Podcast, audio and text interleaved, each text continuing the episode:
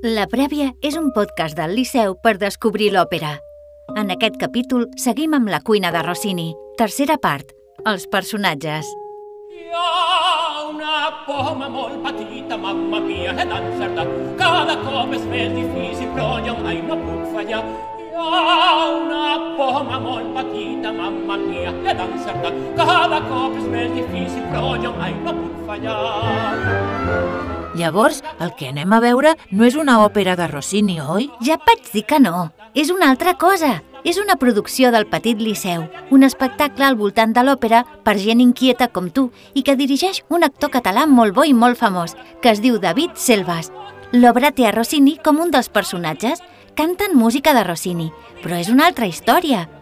Això es fa molt als teatres d'òpera, saps? Què vols dir?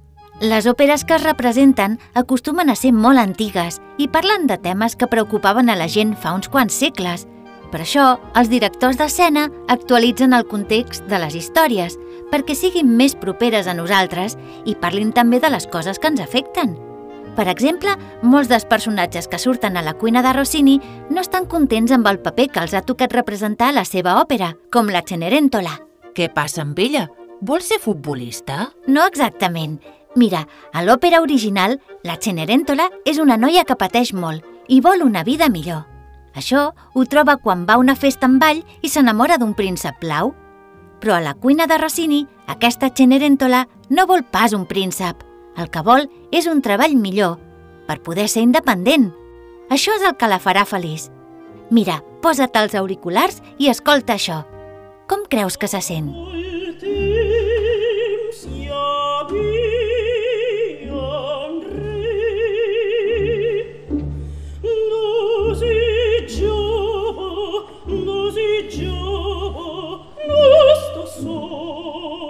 Sona molt trista.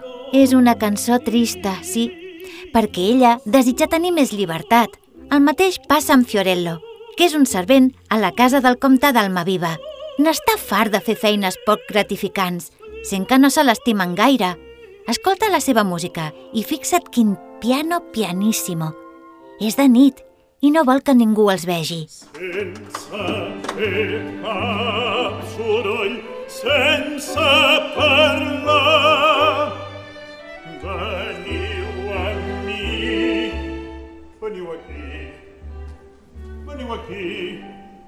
Sí que sembla afectat. Té molt caràcter.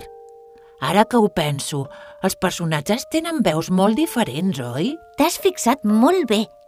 En l'òpera hi ha diferents tipus de veus, algunes molt agudes, que són les de soprano i tenor, i altres més greus, les de contralt i baix.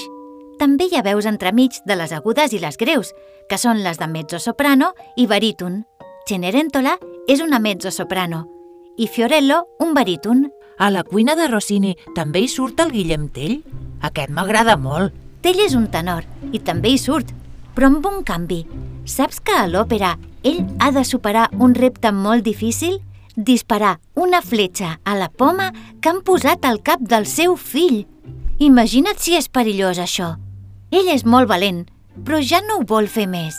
N'està fart de posar la gent en risc. És una imprudència. Tan imprudent com creuar el carrer quan el semàfor està en vermell i sense mirar si passen cotxes. Vigila ara, que anem a creuar. Mira, el Liceu és allà. Ja arribem. I què me'n dius d'en Rossini? En aquest espectacle, Rossini és un fantasma. Ell sap que va ser molt popular en el seu temps, a començaments del segle XIX, però no sap si la gent se'n recorda ara d'ell. I tant que ens recordem. Això el fa molt feliç. Li agrada molt descobrir que les seves històries també s'han adaptat a gustos més moderns. Per això ajuda a la Isabela i al Ros. A mi m'agrada la música tal com és. Durant molts segles, les òperes s'han representat sense canviar la música. Però sí s'han fet canvis en la posada en escena, és a dir, els decorats, la roba dels personatges... Així es pot veure la mateixa òpera moltes vegades, amb idees noves, algunes molt creatives. Ara estigues molt atent a la funció. Les peces de Rossini que escoltaràs estan una mica canviades. En la lletra, sobretot, per poder explicar aquesta història tan divertida. Segur que t'agradarà molt. Segur que sí. Les vostres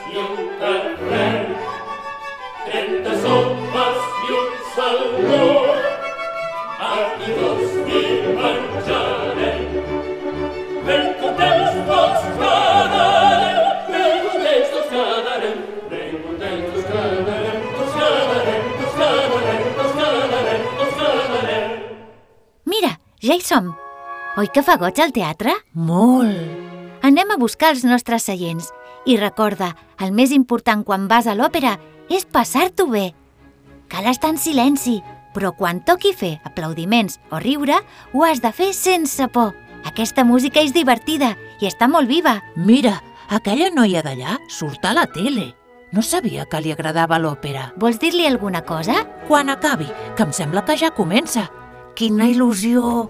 Ja no sé què més menjar-me, Jo no sé què més menjar-me, amanides i formatges. amanides i més menjar-me, ja no sé què més menjar-me. venen unes postres, Ara venen les postres, ara venen les postres. amb maduixes i llata. Us ha agradat? Sí? Ara us esperem a la cuina de Rossini. I fins aquí la prèvia de la cuina de Rossini, un podcast que busca complementar i enriquir les obres del Liceu. Guió de Javier Blánquez, edició d'Irene Novoa, disseny sonor de Javi Álvarez.